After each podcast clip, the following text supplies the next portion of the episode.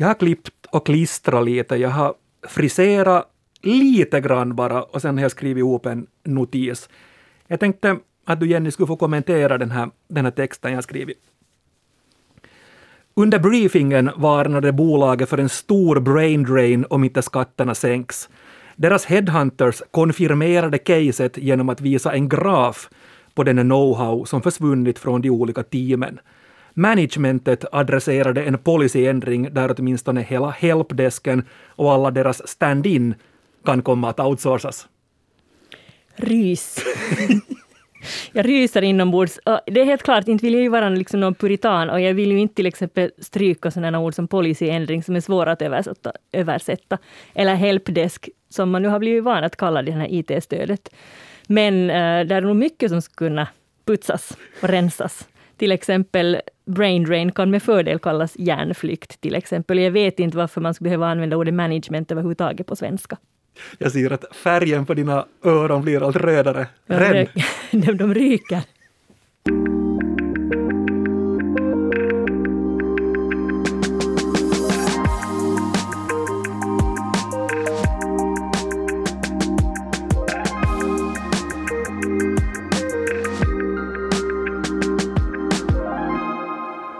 Näst sista ordet har returnerat. Hoppas att du vill spendera din tid med mig, Jens Berg, och språkexperten Jenny Silvin. Hej, hej, var vår gäst. var vår gäst och ha det bra. Du, du har alltså, ja, 15-20 år Jenny har du jobbat som språkproffs i, i olika roller. Språkvårdare, forskar i språk, undervisar i, i språk.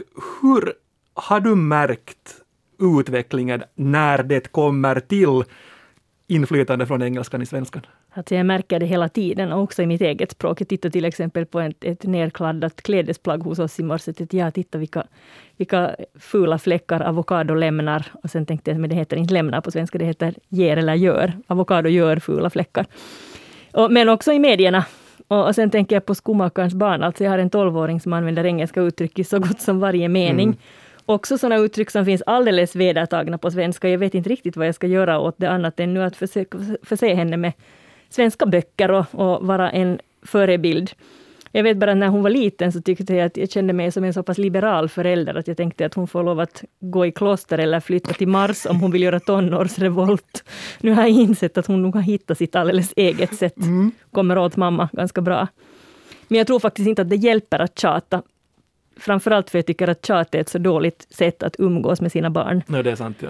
Men jag försöker bara, jag får hålla god min eller sen ibland kan jag försöka få henne att försöka hitta svenska alternativ. Mm. Men jag hittade belägg, alltså redan från 1200-talet när jag har kollat in den här frågan, alltså om svengelska och engelska lånord i, i svenskan. Så redan från 1200-talet har vi lånat in ord från engelska, men, men det är väl nu under de senaste 75 åren, alltså efter andra världskriget i princip, som det här har exploderat och idag är då engelskan det språk som vi lånar in överlägset flest ord från. Och, och jag vet inte, men jag tycker att det här är jätte, jättesvårt, alltså rent, rent språkligt. För att det finns så många ord och uttryck som jag inte ens reagerar på när jag använder dem. Till exempel, jag tar några här, att hålla en låg profil från Keep a low profile eller att känna sig obekväm med något. Alltså från feel uncomfortable with. Men jag tänker på dig, är inte det här svårt för dig? Alltså det här som jag sa nu, hålla en låg profil, känna sig obekväm med, låter ju helt korrekt och på något sätt som vedertagen svenska. Ja, jag har lite svårare med det här att känna sig obekväm med. Det tycker jag är mer att man talar engelska på svenska. Medan det här hålla en låg profil tycker jag nog är så pass vedertaget att jag inte ens skulle ha tänkt på att det är inlånat från engelska. Vi har ju det mer svenskklingande att ligga lågt, mm. till exempel. Men visst, alltså, sånt här slinker in i mitt eget språk också hela tiden. Ja. Och ännu tänkte jag, innan vi dyker in i svengelska ord och uttryck, att vi skulle reda ut begreppen lite grann. Va, vad är det för skillnad mellan lånord och sen anglicismer? Alltså, lånord är egentligen alla ord med främmande ursprung och sådana har vi gott om i svenskan. De kommer från olika språk. Många från tyskan, franskan och engelska, men också från grekiskan och latinet. Och svenskan har också ett fåtal lånord från till exempel finskan, alltså inte bara finlandssvenskan utan helt vedertagna i, i, i standardsvenskan. Och med en anglicism menas då alltså dels ett lån från engelskan, vilket kan alltså vara ett ord eller ett uttryck, alltså hur gammalt som helst egentligen och hur vedertaget och försvenskat som helst, till exempel tejp. Men också sådana uttryck som man översätter till svenska enligt engelsk modell. Alltså till exempel att det slinker in sånt här som varje tre timmar istället för var tredje timme. Mm. Eller för alla att se när man menar att någonting är uppenbart. Och här vill jag nu tacka mina vänner Martin Persson och Mikael Parkvall från Stockholm, Stockholms universitet som generöst har låtit mig få ta del av sin lista. De har alltså en lång lista med sådana ganska hemska anglicismer som de har hittat till exempel i medietexter. Mm. Men ofta menar man numera i folkmun att en anglicism då står för ett engelskt lån som anses vara onödigt. Antingen själva ordet eller just de här för engelskan typiska språkliga uttryckssätten som sen vandrar in i andra språk. Mm. Men det, du sa tejp här och, och då tänker jag att, att, att med de här lånorden så handlar det väl ganska ofta också om en ny företeelse eller någonting nytt som kommer. Alltså nu har någon hittat på självhäftande plastremsor, vad ska vi kalla det här för då? Jo, tejp och så kommer det in till, till svenskan att det är tejp och så skriver ju med JP. Men det roliga är att de heter ju inte ens tejp på engelska i sig, utan det heter antingen sellotape eller sticky tape till exempel, för att visa att det är inte vilken bandremsa som helst, utan någonting som antingen klistrar eller är gjort av cellofan. Mm. Sen finns det ju många andra också som vi inte reagerar på mera. Li livskvalitet till exempel direkt från quality of life. Eller reagerar du på deadline eller livekonsert? Jag försöker ibland uh, undvika ordet deadline. Jag kan säga inlämning då och då. Eller så här. Men, men visst, jag tycker deadline är ett bra ord. Men sen då ord som som tydligt nu i svenskan har råkat ut för någon form av betydelseglidning i och med det starka inflytande från, från engelskan. Eller, att, eller liksom också att kanske den ursprungliga betydelsen helt har, har glömts bort. Och är inte då vi ska stanna upp och börja fundera lite, att hej, vad håller vi på med?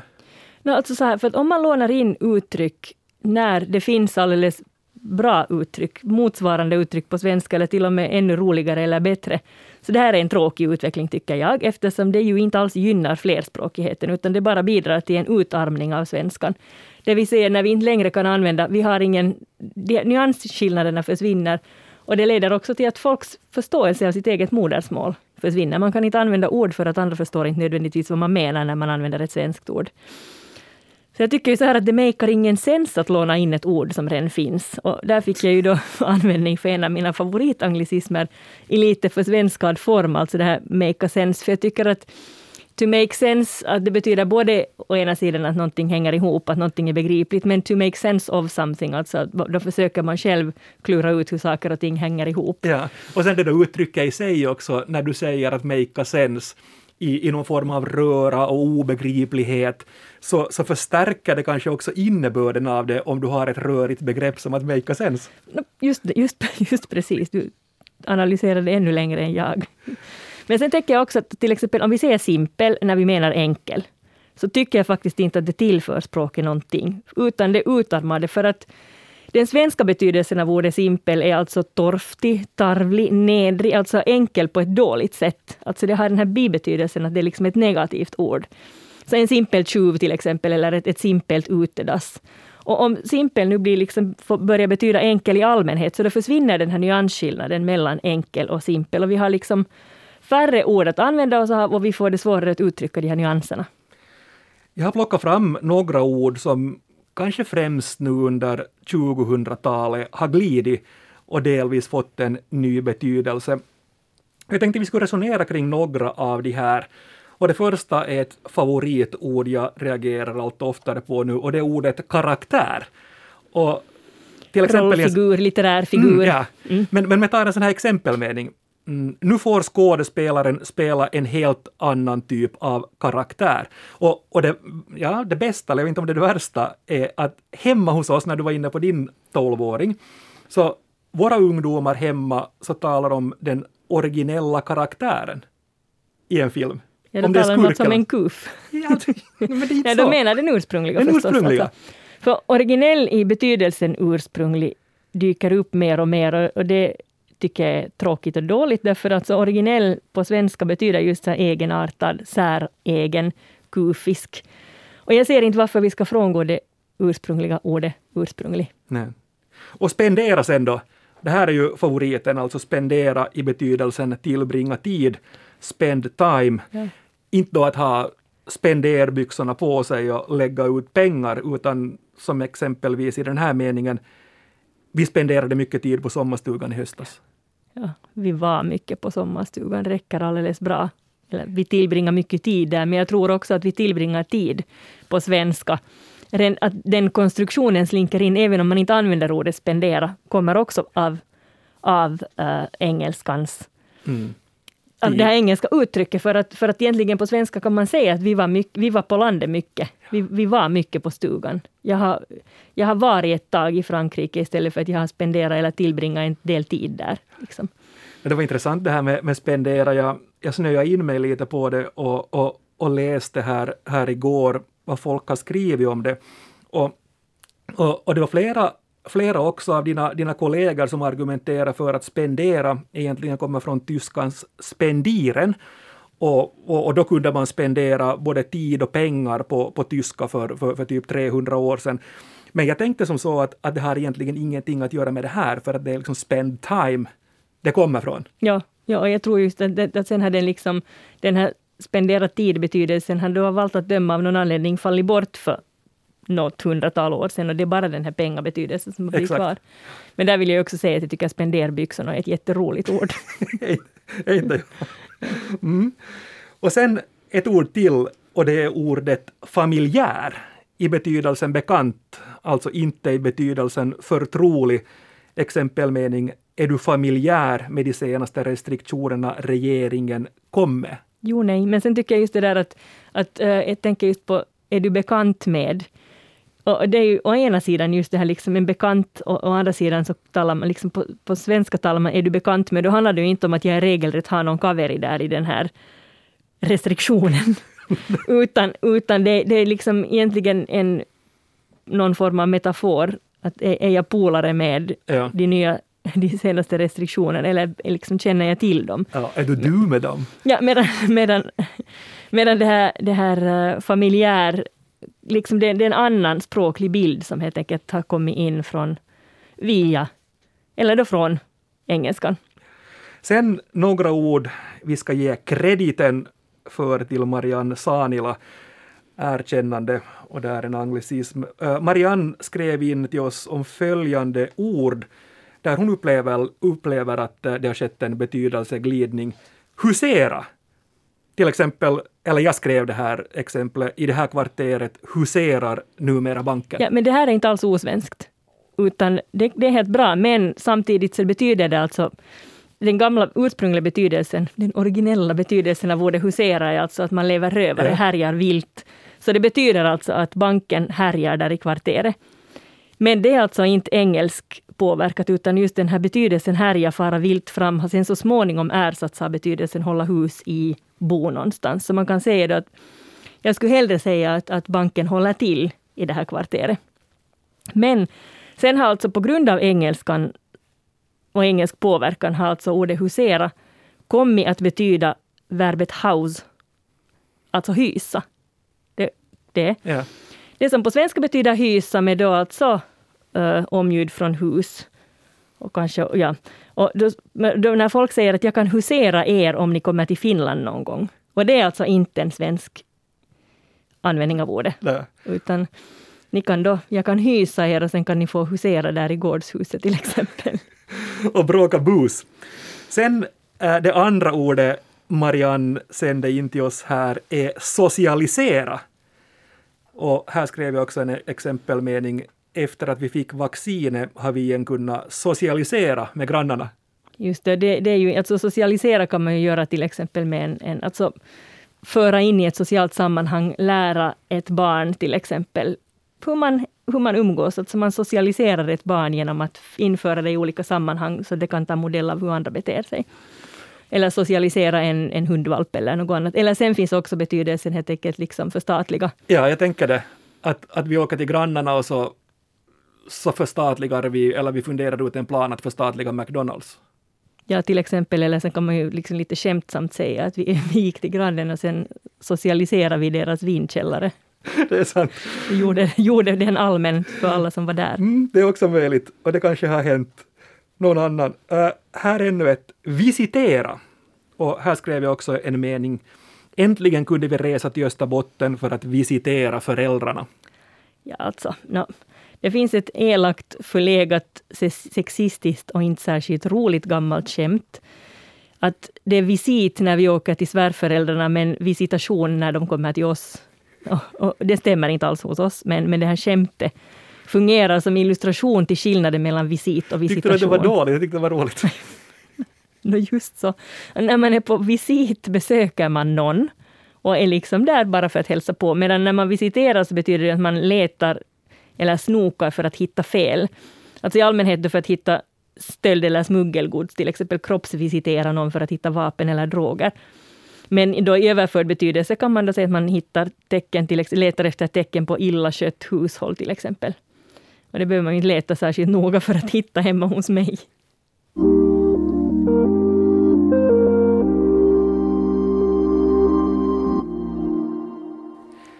När jag har sökt exempel på områden där det, där det kanske förekommer extra mycket engelska ord, så har jag hittat tre områden.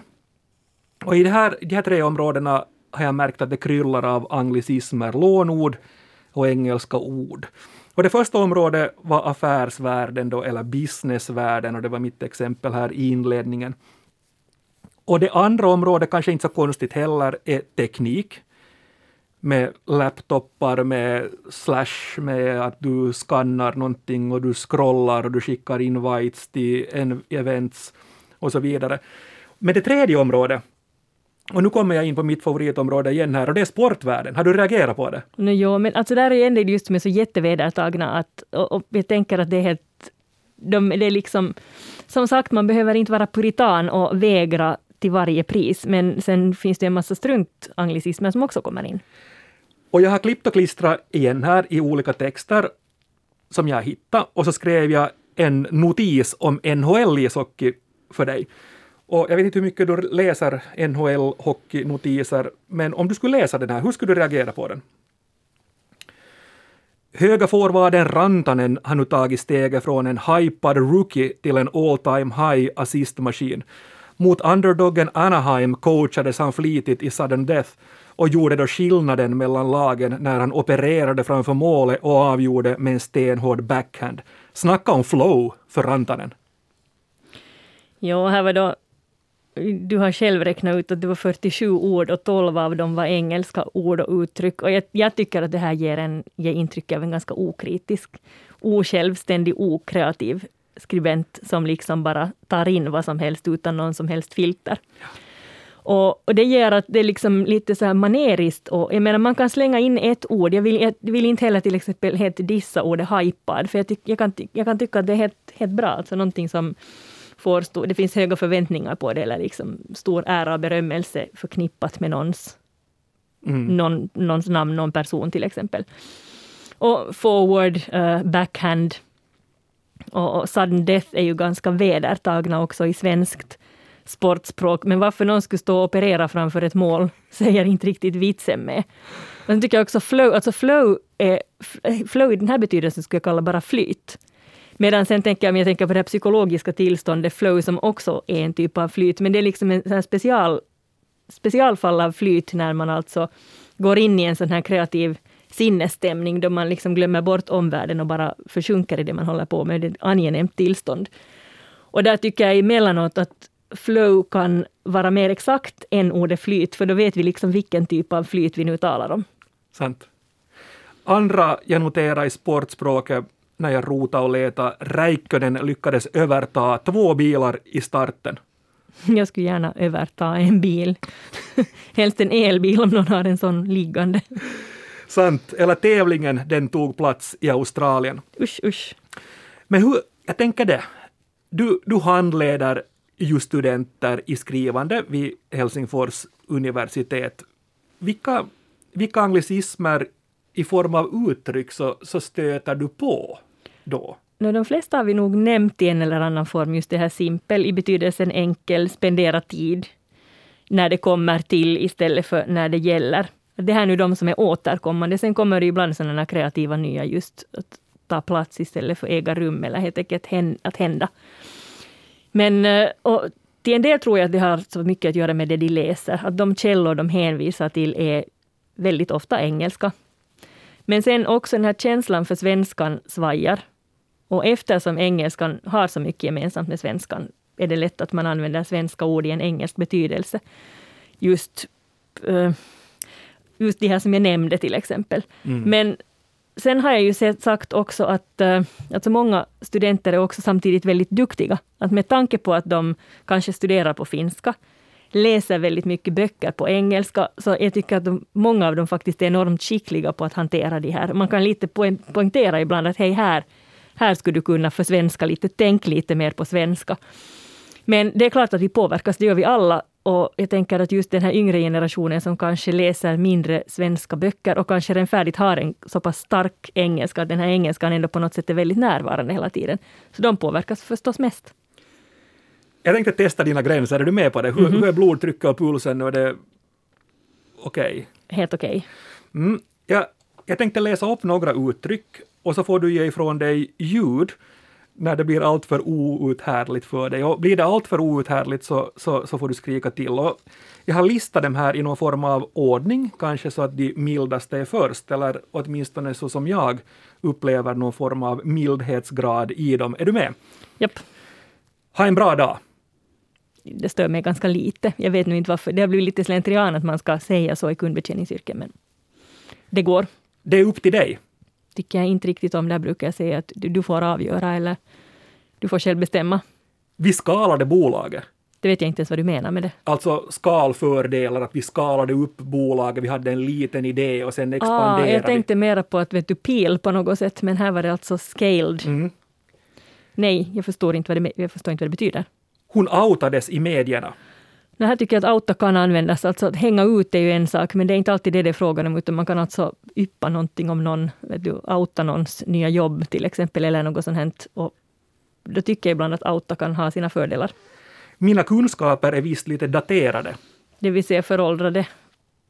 Påverk, engelsk påverkan, men låt gå. Jag gjorde mig själv till en komplett idiot. det var dumt. Made a complete fool of myself. Mm. Nu, nu lite sådär börjar du se mm. argt på mig nu. Ja.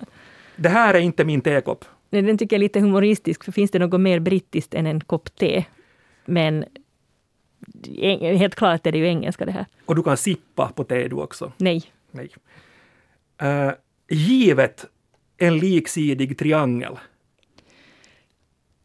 En, ja. Alltså i en uppgift. Ja. Given. Anta att du har en liksidig triangel. Det tycker jag att det engelska är ganska otydligt faktiskt. Mm. Och den sista. Jag är obligerad att göra så här. Jag är tvungen att. Du klarade det ganska bra. Ja, jag, men jag tycker ju nog inte om det här. Och, och problemet är ju kanske just det här att, att när man, det är ju ingen, ingen sak att man använder och anammar engelska ord, men när man låter dem ersätta de svenska orden och, och glömmer bort att de finns och kanske okritiskt bara släpper in dem utan någon sorts filter, så där, där mm. tycker jag det blir svajigt, otydligt, vagt, mindre exakthet i språket. Men hur mycket tänker du att det har blivit någon form av statusspråk också? Alltså att det finns någon, vad ska jag kalla det för, någon form av häftighetsfaktor i att använda mycket engelska ord och, och uttryck när vi talar svenska? Nu tror jag att det i viss mån är en, en statusfråga. Jag tror att det kan vara en klass och åldersfråga också. Med, med åldersfråga menar jag det, två saker. Å ena sidan att man som yngre på väg ut i världen är kanske lite fartblind när det gäller engelskans möjligheter att, att, att titta, jag kan, uttala, jag kan tala med folk var som helst i världen och då blir man kanske lite mindre kritisk till de uttryck som engelskan erbjuder oss. Medan man som äldre och mer beläst kanske finner en fröjd i att behärska det egna modersmålet väl. Men sen tror jag också att det är en åldersfråga så tillvida att de yngre generationerna blir allt bättre på engelska. Bättre än de tidigare generationerna har varit, vilket betyder att det finns liksom en större palett att ösa ur. Men sen tror jag också att många unga väldigt mycket överskattar sina kunskaper i engelska och kanske inte inser att de kan vara på ganska hal is i ett bildat modersmålsengelskt sammanhang. Trots att de klarar sig alldeles utmärkt i samtal med andra som inte heller har det som modersmål. Ja, det kan jag skriva under. Jag, jag var ganska kaxig när jag när jag åkte till, till England för att studera där som 22-åring, 23-åring. Jag tyckte jag behärskade engelska flytande. När jag kom till universitetet så skrev jag en, en akademisk uppsats där. Jag var fullständigt ute på, på, på sjufamnas vatten. Jag, var, jag, jag märkte att hej, det här kan jag inte. Ja. Och det är illa nog alltså att plötsligt börja uttrycka sig i skrift i en annan kontext än man är van vid ens på sitt modersmål och att sen börja göra det på jag tycker till exempel när jag själv ska skriva vetenskaplig text eller på engelska så är det liksom som att skriva med vänster hand. Det, blir mm. liksom, det går långsamt och blir inte alls lika elegant som när jag får formulera mig på svenska. Nej. Men vi kan ju enas om det, att kunna engelska att kunna bra engelska så är ju förstås toppen. Det är ju ingenting att, att snacka om. Alla, bra, alla språk så är ju bra att, att kunna. Men jag tänker ännu om de här orden och uttrycken som vi har talat om i, idag, kan de också på något sätt bidra till att vi får fler uttryck i svenskan? Eller är det enbart så att de på något sätt förminskar svenskan at the end of the day? At the end of the day, jag tänker i slutet av dagen. Jag tänker att, att om... Och, och, och liksom, det är ju nu engelskan som har det här liksom massiva inflytandet på vårt språk. Massiva säger jag nu, det är också en sån typisk som också används när man egentligen skulle kunna säga enorm. Det har ett enormt inflytande på svenskan just nu. Och, och om man tänker var våra lånord kommer ifrån, så de har liksom kommit från flera olika håll och där tycker jag att det kanske har varit en, en berikning just nu. Det händer, visst händer det, det finns liksom andra immigrantspråk som påverkar svenskan till exempel, men, men det har inte alls samma genomslag i hela samhället. Och det betyder att det blir lite ensidigt och jag skulle säga att problemet är kanske just inte att... Språkrådet säger så här, alltså Sveriges språkmyndighet, så de tycker liksom att språksituationen behöver tas på allvar, men faran är alltså inte att man använder engelska, utan faran är att när man inte använder svenska. Det är ganska bra och då talar vi liksom om domänförluster. Det betyder att svenskan löper risk att inte kunna användas i alla sammanhang. Nej, och så finns det ju också en del engelska ord som kom, blev stora, men som sen har backat tillbaka i, i svenskan. Jag har noterat några klädesplagg. Blazer säger mm. man kanske inte så mycket mer om än kavaj eller jumper eller pullover om tröjor. Jag tycker den allra roligaste är alla tiders. alltså, uttrycket alla tider som ju låter lite rart ålderdomligt. Och under sin storhetstid fick det här alltså uttalet alla tiders för att låta modernt och engelskt. Min mummi kunde säga att det var alla tiders. Det ska jag börja använda på nytt. Och sen kanske också vi ska komma ihåg att att språket, ju som du har sagt flera gånger här, lever och att vi lånar in ord från, från andra språk. Det har vi alltid gjort och till och med engelskan har ju lånat in några ord från, från svenskan. Jag hittat fem och ja. du vet dem säkert alla. Ombudsman, ja. smörgåsbord, ja. orientering, lingonberry, alltså lingon. Och så det senaste, har du hört fartlek? Fartlek? Mm, kanske vagt, jag vet inte vad det är. Fartlek så är, är, när du har intervallträningar, du löper jättesnabbt först och sen så, så återhämtar du dig och så löper du snabbt igen. Men använder man alltså fartlek på Absolut. svenska? En polare i USA skrev mig och sa att i nästa sista ordet så ska ni prata om det här att han tycker att det var jättemärkligt. Han, han, han sa att i, i, i, i Amerikat så talar de om fartlek. Men jag har aldrig hört det på svenska. Alltså jag tycker, vi talar ju om, om intervallträning, så de har liksom lånat in ett svenskt ord som kanske inte finns. Eller så finns det, jag vet inte. Det kan hända. Det var allt för nu. That's all for now. Skriv gärna till oss på nastsistaordet yle.fi. Skicka respons, ställ oss språkrelaterade frågor och kom också med förslag på ämnen du vill att vi behandlar här i näst sista ordet. Men för den här gången säger Jenny och Jens nu morgens.